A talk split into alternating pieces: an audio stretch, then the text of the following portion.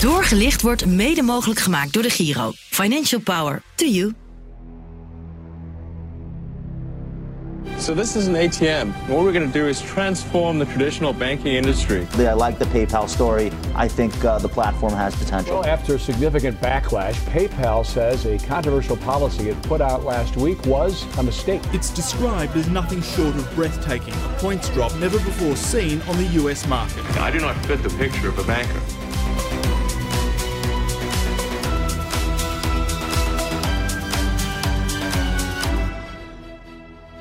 Dat je tegenwoordig in uh, slechts een paar seconden tikkies kan sturen, dat heb je te danken aan de grondlegger van online betalingen, PayPal. In deze aflevering van Doorgelicht richten wij de schijnwerper op de Amerikaanse online betaaldienst, zodat jij als belegger kan bepalen wat een PayPal-aandeel nou echt waard is. We vertellen je het verhaal achter het bedrijf, we geven je fundamentele analyse. Mijn naam is Nina van den Dungen en naast mij Jim Theopoering, analist en vermogensbeheerder van 1 Vermogensbeheer. Hoi hoi. Hallo Nina. Hallo. PayPal, zit het in je portefeuille als vermogensbeheerder? Nee, we hebben het voor onze klanten niet in portefeuille. Maar ik zeg er wel meteen bij dat hij tijdens ons investeringscomité regelmatig voorbij komt en echt op de watchlist staat. Want, en nou licht ik al een tipje van de sluier op, het aandeel lijkt heel erg aantrekkelijk gewaardeerd en goedkoop. Hm, en daar zit er gelijk meteen een grote maar die we straks gaan horen. Ja, zeker. Want uh, nou, nog wat verder vooruitlopend op de uitzending. De beleggers in PayPal die hebben de laatste jaren het niet heel erg leuk gehad. Sterker nog, het aandeel is meer dan 80% gedaald. Zo, ja, oké. Okay. Um, voor de duidelijkheid, disclaimer altijd in deze podcast. Wij geven geen beleggingsadvies. We geven je wel alle informatie die je nodig hebt. Uh, we geven je een fundamentele analyse. Maar het is aan jou om uiteindelijk te bepalen wat het aandeel waard is en of het iets voor jou is. Of dat je het wil verkopen als je het al in portefeuille hebt. Uh, dat maak je helemaal zelf uit. Um, en dan gaan wij eerst eens even beginnen met de geschiedenis van het bedrijf.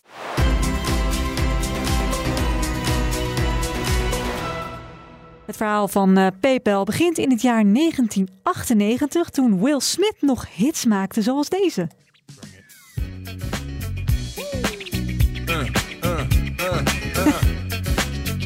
Weet jij welke het is? Getting Jiggy with it. Nice. Je, hebt Je kent het niet. Ja, nou ja. Van is... uh, boven de 35. Ja, ja, 36 ben ik. Maar nee, ja. Het is Je net kent het niet? Ja, ik ken het wel. Maar ja, natuurlijk ken ik het wel. Ik had er alleen de titel niet bij kunnen plakken. Geeft niks. Uh, terwijl Will Smith het uh, nummer maakte, Getting Jiggy With It, wordt er in Silicon Valley iets heel anders gemaakt. Door duizenden ondernemers die dankzij de opkomst van het internet een fortuin proberen te verdienen met online webstores en andere opkomende digitale diensten. In die mieroop van ondernemers in Silicon Valley krioelen dan ook op dat moment Max Levchin, Peter Thiel en Luke Nosek, die samen een bedrijf oprichten, Confinity, om een bijzonder idee te realiseren, namelijk een universele manier om online betalingen te doen. En ja, een online betaling aan iedereen en alles over de hele wereld. Dat idee dat krijgt gestalte in de vorm van een betaalservice en dat heet PayPal. Slechts drie maanden na de lancering van die dienst zijn er al duizenden gebruikers online geld aan het overmaken. En dat komt vooral, vooral dankzij een soort bonusprogramma, daar hoor je zo meteen uh, meer over. PayPal mag dan al best populair zijn. Het is natuurlijk lang niet de enige start-up die zich bezighoudt met digitale geldzaken. Er zijn veel meer ondernemers die daar potentie in zien. Een van die ondernemers die ken je ongetwijfeld. I think the internet is the the superset of all media. It, it is the it, it, it is the, the be all and, and end all of, of, of media. Elon Musk, op dit moment uh, 27 jaar. Hij begint eind 1999 een online bank. Weet jullie heten? Ik weet het. En uh, hij is terug bij een andere gedaante. Ja. X.com. Inderdaad, X, dat uh, is een hele bekende nu op dit moment. Maar dit was dus de jaren 90 uh, en hij was daar toen mee bezig. Nog geen twee maanden later heeft die online bank van Elon Musk al meer dan 200.000 gebruikers. In die tijd ziet Musk ook wel dat het heel erg goed gaat bij PayPal, een concurrent van hem. Maar hoewel PayPal het, uh, het populairste betaalplatform van die tijd is, heeft moederbedrijf Confinity toch wel weinig geld in kas.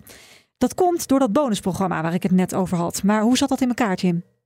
Nou, het ging vooral om groei van klanten en dat mocht wat kosten. Sterker nog, als jij klant werd bij PayPal, dan kreeg je geld, 10 dollar geloof ik. En als je vervolgens weer vrienden aanbracht, refer a friend, dan kreeg je voor elke vriend die ook op het platform kwam, weer een tientje. Dus Ah, ja, dat ging heel erg hard, maar dat kostte ook wel veel geld, die nieuwe klant op dat moment. Het komt dan in 2000 tot een fusie met het financieel sterkere X.com. En dat fusiebedrijf gaat verder onder de naam X.com. Heel verrassend. En Elon Musk is dan de grootste aandeelhouder. En hij wordt later ook aangesteld als CEO van dat bedrijf. Hij krijgt tijdens de fusie te horen dat het nieuwe bedrijf zo'n zes weken de tijd heeft voordat al het geld op is bij PayPal. Maar afgezien van Musk zelf maakt niemand zich daar echt zorgen over. Het is dan namelijk ook het hoogtepunt van de dotcom-bubbel. Investeerders die smijten letterlijk met geld naar online startups. En op vrijdag 31 maart, aan het einde van de maand waarin de fusie plaatsvond, had het nieuwe bedrijf 100 miljoen dollar opgehaald. En dan, een paar dagen later, dan barst de bubbel. This closing bell might as well have been an alarm, so savage was the selling. Nou, talloze start-ups die uh, uit de wieg kwamen van Silicon Valley, die gingen ten onder. Maar X.com dat blijft drijven dankzij enorme investeringen. Bovendien biedt X.com dan dus een dienst aan, PayPal, die inmiddels door heel veel mensen al als onmisbaar wordt beschouwd. Later dat jaar, als Elon Musk in het vliegtuig zit voor zijn eerste huwelijksreis, dan besluit het bestuur van X toch wel iets lulligs. Namelijk, Musk moet eruit. Ze hebben hem ontslagen. Ze hadden al langer geen vertrouwen in hem als leidinggevende. En uh, Musk die blijft na zijn ontslag wel betrokken als investeerder en uh, adviseur. En Peter Thiel wordt dan de nieuwe CEO van X.com. Hij besluit om te stoppen met de financiële diensten. Hij legt de focus compleet op online betaalsystemen. En de naam van het bedrijf wordt in 2001 dan veranderd naar PayPal, om dat duidelijk te maken. En dan komt de beursgang van PayPal. Maar je kan dan maar kort in PayPal aandelen handelen, want slechts acht maanden later dan koopt online handelsplatform eBay het bedrijf op voor anderhalf miljard dollar. De overname van uh, PayPal door eBay lijkt een perfect huwelijk, maar schijnbedriegt. Binnen vier jaar na de overname verlaten bijna alle oorspronkelijke PayPal-medewerkers het bedrijf, waaronder ook de oprichters en Elon Musk. Ze vinden de bedrijfscultuur van eBay veel te zakelijk en de koers van PayPal lijkt daardoor steeds verder af te dwalen van de liberale visie die de oprichters hadden. De groep vertrekkende PayPal-medewerkers die krijgt al snel de bijnaam PayPal Mafia. Jim, dat kan jij misschien uitleggen. Ja, je zou denken dat het uh, de bestuurders of de oprichters onbetrouwbare jongens zijn, maar dat is natuurlijk niet zo. De PayPal-maffia is geen echte maffia. Die ex-medewerkers die krijgen de naam omdat ze allemaal super, super succesvolle bedrijven weten op te richten na het vertrek bij PayPal. Oh ja? Nou, denk aan uh, bedrijven als YouTube, LinkedIn. Nou, we kennen natuurlijk ook allemaal Tesla, SpaceX. En ga maar door. Uh, Pieter, T bijvoorbeeld, Pieter Thiel bijvoorbeeld. Nou, dat is uh, een van de oprichters, businesspartner van Lefty. Mm -hmm. was een van de eerste investeerders uh, van Facebook. Maar oh. hij richtte ook het bedrijf Palantir op. En ja, dat is een bekend big data bedrijf. Een uh, grote klant van hen is bijvoorbeeld de Amerikaanse overheid. Nou, om een beetje een idee te geven over zijn succes. Ik geloof dat de man 8 of 10 miljard aan vermogen heeft. Zo. Nou, heeft hij goed gedaan. Ondertussen gaat het ook met PayPal best wel prima. Jaarlijks komen er nog miljoenen gebruikers bij. Het groeit exponentieel verder. Sterker nog, in 2006 zijn er al zo'n 100 miljoen geregistreerde accounts. En in 2008 al 150 miljoen. Mede door overnames groeit PayPal zo ver door dat moederbedrijf eBay de expansie eigenlijk gewoon niet meer aan kan. Het huwelijk tussen PayPal en eBay dat loopt op de klippen. Good evening everyone. They say that breaking up is hard to do, but not at eBay apparently. The online auction giant said today it plans to spin off its lucrative PayPal electronic payment division into a separately traded company sometime next year. The announcement is a dramatic reversal for a company that fought hard against activist investors who were advocating that eBay would benefit from a split. Nou, een activistische hedgefundmagnaat die eist dat eBay PayPal wegdoet. De CEO van eBay, John Donahue, is het er op zich wel mee eens. Hij ziet dat eh, PayPal te weinig ruimte heeft om nog verder te groeien onder de vleugels van eBay. In 2015 komt het daarom tot een tweede beursgang. Een beetje nieuwe ronde, nieuwe kansen. Jim, hoe ging dat eraan toe? Ja, PayPal weer naar de beurs, maar in dit geval niet met een IPO. Eigenlijk is het meer dat het bedrijfsonderdeel wordt afgesplitst. Nou, hoe gaat dat in dit geval? Dat eigenlijk de aandeelhouders in eBay, die krijgen er allemaal een aandeel PayPal bij. Dus op die manier is PayPal weer beursgenoteerd. Ja, gewoon echt cadeautje, gratis Ja, het is, het is opgesplitst en dat wordt wel vaak gedaan natuurlijk. Omdat je enerzijds je eigen koers kunt varen. Ook omdat de andere kant uh, er misschien meer waarde tot uiting komt. In Nederland hebben we bijvoorbeeld ook wel eens gehad met uh, Philips en Signify. Dat de lampendivisie werd afgesplitst. Ja. Nou, in dit geval werd dus de betaaldivisie uh, afgesplitst. Oké, okay, nou in 2015 is PayPal dus zelfstandig. Daardoor ontstaat er genoeg ademruimte om verder te kunnen groeien. Op het hoogtepunt van die groei is een PayPal-aandeel ruim 300 dollar waard. Maar hoewel PayPal de dotcom-bubbel heeft overleefd, is het bedrijf niet helemaal immuun voor economische malaise. De coronacrisis bijvoorbeeld in 2020, maar ook de oorlog in Oekraïne in 2022, die brengen toch wel onzekere tijden met zich mee voor het bedrijf. In 2023 ontslaat PayPal 2000 medewerkers vanwege de verslechterende economische situatie. Net als veel te andere techbedrijven trouwens. Amazon doet het ook, Microsoft en Alphabet. Dus het past wel in een trend. Ondanks de grote ontslagronde is PayPal vandaag de dag, en we nemen het nu op in augustus 2023, nog steeds een van de grootste online betaalplatformen. Met ruim 435 miljoen gebruikers wereldwijd en jaarlijks tientallen miljarden aan omzet. Maar goed, als we dieper in de cijfers duiken, dan moeten we natuurlijk bij Jim zijn voor de fundamentele analyse.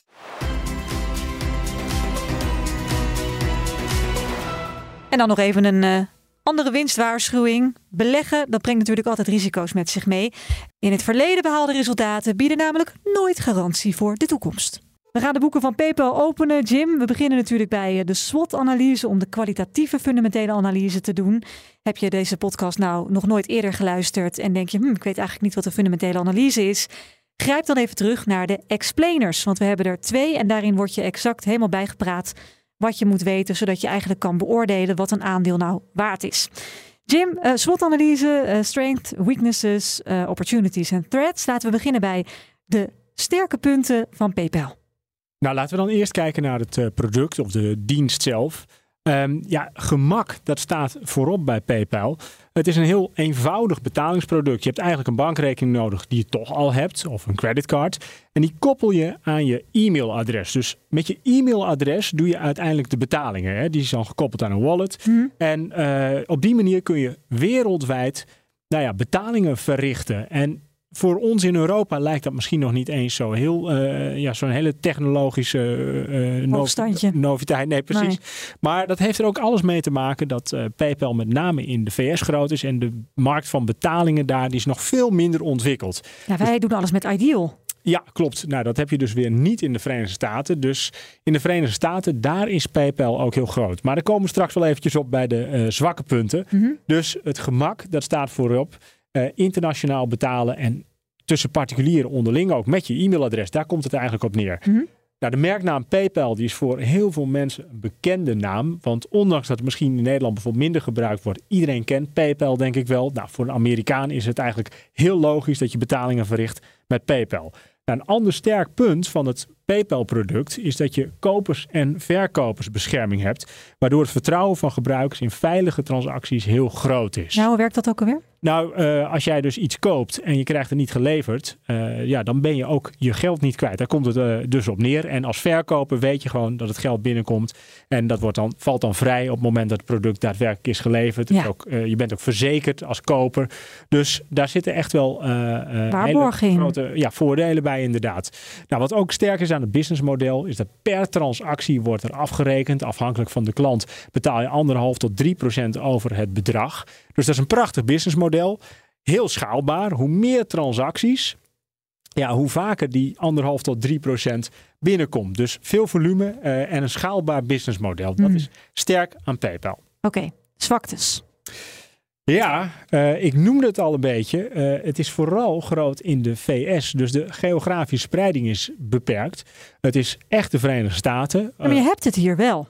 Hè, in hebt- Nederland. Waarom ja. wordt het dan zo, zo weinig gebruikt? Nou, omdat wij heel veel andere betalingssystemen hebben. eh, die eh, nou ja, voor ons voor de hand liggende zijn. En soms ook wel eh, net zo goed. Ja, hoe vaak betaal jij met PayPal? Ja, echt nooit. Ik heb, ik heb dus wel een account, maar ik, ik heb het nooit gebruikt. Misschien een keer om een cent of zo als een soort Ja. check over te maken. Nou, als jij eh, transacties zou doen met Amerikanen bijvoorbeeld, ja, dan zal je het waarschijnlijk wel vaker gaan gebruiken. En dat is dus ook wel het voordeel, dat je dus internationaal kunt betalen. Maar de zwakte is eigenlijk al daar. Mensen kennen het wel buiten Amerika, maar gebruiken het maar beperkt. In het Verenigd Koninkrijk, daar is nog wel een behoorlijke markt voor PayPal. Duitsland gaat ook nog wel, maar ja, echt het leeuwendeel van de omzet, dat komt uit de Verenigde Staten. Ja. Nou, ehm, wat je ook nog hebt, is dat er behoorlijk wat prijsdruk in de markt is. Er zijn meer concurrenten, dus je hebt alternatieven waar je uit kunt kiezen. Dus die, eh, die, die, die, die marges die staan een beetje onder druk. Hm. Nou, dan heb je ook nog eh, dat je best wel afhankelijk bent natuurlijk eh, van het internet, de groei van internet, de groei van online shopping. Op het moment dat het aantal betaaltransacties ja, wat minder wordt, mensen kopen minder online, dan is dat ook direct te zien in de omzetvolumes en de daadwerkelijke omzet van PayPal. Dus ja, prijsdruk en ook wel eh, wat, wat gevoelig voor de economische cyclus. Ja, nou dan zijn er vast nog wel kansen. Je noemde al even een soort groeimarkt zouden Duitsland en eh, Groot-Brittannië wel kunnen zijn. Nog andere kansen, opportunities voor PayPal? Ja, daar probeert het ook wel op in te spelen. Eh, PayPal heeft een bedrijf overgenomen, Paydi heet dat. En dat is om de Japanse markt aan te boren. Aha, dus, hè, we kunnen, Azië. ja, we hebben het over Verenigde Staten, Europa, maar Azië is natuurlijk een stuk groter. Ja, Dus daar ligt een hele grote kans. Ehm, waar beleggers ook heel goed op hebben gereageerd, is dat in 2020 PayPal aankondigde dat het platform zou openstellen voor de handel in cryptovaluta. Dus Ja. bitcoins, ethers, eh, dat soort zaken. Nou, dat eh, heeft toen de aandelenkoers echt een boost gegeven. Dus daar ligt absoluut ook nog een eh, mogelijkheid. Mhm. En ja, in die hele hoek blockchain technologie, daar eh, zou PayPal is daar natuurlijk eh, ja, eigenlijk eh, voor gemaakt om daarop in te spelen. ja. Dus brede marktaandeel, meer regio's, inspelen op black- blockchain technologie en cryptovaluta. En je zou natuurlijk ook kunnen bedenken dat het logisch is voor een ja, payment service provider om toch ook meer financiële diensten te gaan aanbieden. Waar eerder Pieter Thiel van zei, dat doen we niet meer. We doen alleen maar die payments. Maakt dat het bedrijf ook wel wat kwetsbaar. Dat geeft dus ook wel de kans meteen weer. Mhm. Je zou een brede productenpalet kunnen aanbieden. ja.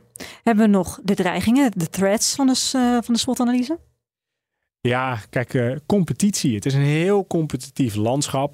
In Nederland hebben we bijvoorbeeld Adyen, wat op dezelfde markten opereert. En wel groot is in Europa en probeert de Amerikaanse markt te veroveren. Eh, je hebt eh, no- nog Stripe, heb je bijvoorbeeld. Dat zijn allemaal partijen die vergelijkbare diensten aanbieden en waardoor er meer prijsdruk ontstaat. Nou, ander punt is natuurlijk ook nog eh, dat, dat PayPal biedt transacties aan in verschillende valuta. Daarmee heb je het risico dat dat de winst beïnvloedt. Mhm. Dat is het risico wat bij PayPal ligt. Nou, een ander punt is natuurlijk ook wel weer. Eh, hier geldt, het is een online bedrijf. Het gaat over geld. Dus het risico van cyberaanvallen. Als die er zijn, dan kan het vertrouwen van gebruikers in PayPal ondermijnen. Eh, aan de andere kant zijn zij misschien wel heel goed juist geëquipeerd om zich hier tegen te beschermen. Want zij weten ook wel van ja, als er een aanval komt, dan is dat ja, desastreus voor het bedrijf. Ja, nou dat zijn eh, alle strengths, weaknesses, opportunities en threats. We gaan even naar de kwantitatieve fundamentele analyse. Oftewel de cijfers. Waar gaan we dan vooral naar kijken bij PayPal? omzet. En daar ligt ook meteen het eh, probleem. Die omzet die is gigantisch gegroeid. Mhm. Die groeide jaar in, jaar uit eh, met 20 Ja. En eh 2021, dat was echt een recordjaar voor PayPal. En ja, daar hebben beleggers natuurlijk op voorgesorteerd. Die dachten van ja, die groei die gaat doorzetten. Het wordt alleen maar beter. Eh, en ja, de koers stond toen op dat moment zo'n 300 dollar. Nou, 2022, 2023 heeft PayPal de groeiverwachtingen niet waar kunnen maken. Nee. Dus de koers die is enorm onder druk komen te staan. Eh, hij is gedaald van 300 dollar naar zo'n ja, zo'n zo'n 60 dollar. Hmm. En ja, dan kom je op het punt dat PayPal, en dat was op 100 dollar ook al zo, ineens wel erg goedkoop begint te lijken. Ja. Want ja, PayPal maakt wel degelijk winst. Eh, er wordt eh, prima geld verdiend, zo'n 3,5 dollar per aandeel op dit moment. En ja, ga je dat dan aan elkaar refereren, de koers van zo'n 60 dollar en die 3,5 dollar winst per aandeel, dan is dat aandeel op dit moment niet eens zo heel erg duur. Nee. Er is alleen een maar. Ja, Dat hoor eh, hem. voelde je al Mhm. aankomen. Kijk, eh, PayPal heeft grote ontslagrondes doorgevoerd. En waardoor kwam dat? Omzet die groeide niet hard genoeg, maar de kosten die liepen wel op. Dus de operationele marge die bleef achter. Waar Nou, zaten die kosten dan in? mensen. Maar waar hadden ze al die extra mensen dan eens voor nodig? Ja, om de groei natuurlijk eh, te, te kunnen benen. bijbenen. En dan vooral de geplande groei die niet kwam. Ja. Dus eigenlijk sorteerde PayPal voort, eh, voor op groei eh, die uitbleef, maar had al wel de kosten gemaakt. Ja. Een beetje wat ze in het begin natuurlijk ook deden. Geld uitdelen, want hè, de omzet en de winst die zouden later wel komen. Nou, die gedachte was er nu ook. Enige verschil is natuurlijk wel dat als je kijkt naar de omzet van, eh, van PayPal, eh, ja, die, die, die komt uit op zo'n 30 miljard. Hè? Dus eh, dat, dat is ja, echt wel serieuze omzet. En Mhm. dat groeit per jaar met zo'n 20% Dat is ook de afweging, de, het vooruitzicht wat de management geeft. Maar ja, daar zijn beleggers toch een beetje in teleurgesteld. Oké, dus die operationele marge, moi. Ja, die operationele marge die ligt net boven de 20% Maar daar zou voor PayPal veel meer uit te halen zijn als die omzet wel, groeit. En als ze de kosten goed onder controle krijgen. Ja. En eh, ja, dan gaan beleggers het bedrijf ook echt wel belonen met een hogere koers. Ja, en wat blijft er onder de streep over? Nou, wat PayPal daadwerkelijk verdient, dat is 3,5 dollar per aandeel ongeveer op dit moment. Mhm. Het aandeel lijkt goedkoop. Voor beleggers blijft er alleen niet zoveel over. Want wat is de, eh, de visie van PayPal op dit moment? We keren geen dividend uit. Ah. We herinvesteren. En op grote schaal worden er aandelen teruggekocht. Nou, dat is eigenlijk het verkapt uitkeren van dividend. Minder aandelen beschikbaar. Meer winst per aandeel daardoor automatisch. Dus ja, dat zou op termijn wel kunnen zorgen voor hogere koersen. Maar vooralsnog zijn die er niet. Nee, nee. En eh, dus de winst in totaal, onderaan de streep? Eh 3,5 dollar per aandeel. Oké. Hm. En de cashflow, hoe zit het daarmee? Nou, dat is een hele positieve vrije kaststroom van 5 miljard. Oh. Dus ja, eh, er is ook echt wel wat terug te geven aan beleggers. Er is alleen één probleempje. Het was in 2020 was het 5 miljard, 21 5 miljard, 22 5 miljard, 23 ongeveer 5 miljard zal Ja. het worden. Dus naar de toekomst toe moet die vrije kaststroom omhoog. Dus je ziet echt wel dat de omzet moet groeien, de kosten moeten omlaag. En dat is een aandachtspuntje voor PayPal. Als dat gebeurt, ja, dan is de huidige eh, lage aankoopkoers misschien wel een eh, interessant instapmomentje. Maar dat is wel echt afwachten. Want Ja. ja, vergelijk je PayPal met concurrenten, eh, dan is PayPal best wel goedkoop. Ja, maar ze keren dan ook geen dividend uit. Ik weet niet of concurrenten dat wel doen. Nee, die doen het ook niet. Want eh, de concurrenten in de markt, eh, dat zijn bijvoorbeeld Adyen, Stripe, Square. Nou, Square eh, is beursgenoteerd via Block. Maar dat maakt verlies. Dan hebben we nog Stripe, dat gaat naar de beurs. Maar ja, eerder werd de waardering geschat op 100 miljard. Mhm. Gezien de huidige marktomstandigheden is dat nog 50 miljard. Dus ook daar zit flink wat koersdruk. Adyen, Daar hoeven nou, we het helemaal niet over te hebben. dat verhaal kennen we inderdaad. Ja. Maar als je PayPal afzet tegen die partijen en bedenkt dat het gewoon winstgevend is, dan is het aantrekkelijker gewaardeerd. Volgens mij hebben we genoeg informatie om een eh, conclusie te trekken. Hoe vat jij een aandeel PayPal nou samen, Jim? Nou, PayPal is een gevestigde naam in de betalingsindustrie, maar heeft tot nog, nog toe onvoldoende bewezen ook buiten de Verenigde Staten te kunnen groeien. Als dat wel lukt en ze weten de kosten onder controle te krijgen, ja, dan kan de huidige koers wel eens een interessant instapmoment zijn. Dit was eh, PayPal doorgelicht. Dank voor het luisteren. In de volgende aflevering gaan we natuurlijk weer een eh, ander bedrijf behandelen. Nou, bedrijf. GameStop. We gaan het hebben over meme stocks. En ik zie jouw gezicht betrekken, Jim. Ja, dat zijn eh, die bedrijven die een koers-winstverhouding van 3, 4, 500 hebben als er al winst wordt gemaakt. Ja, daar valt een hele hoop over te zeggen. Dat gaan we in de volgende aflevering absoluut doen. Eh, dank voor het luisteren. Abonneer je vooral in je favoriete podcast-app, want dan krijg je elke nieuwe show gewoon gratis en voor niks zo je eh, app binnen laten rollen. We gaan nog veel meer bedrijven analyseren de komende weken. Elke week nemen we er eentje van onder de loep. De meest verhandelde aandelen die pakken we beet. Mijn naam is Nina van den Dungen. En ik ben Jim Theo Boering. Tot de volgende keer.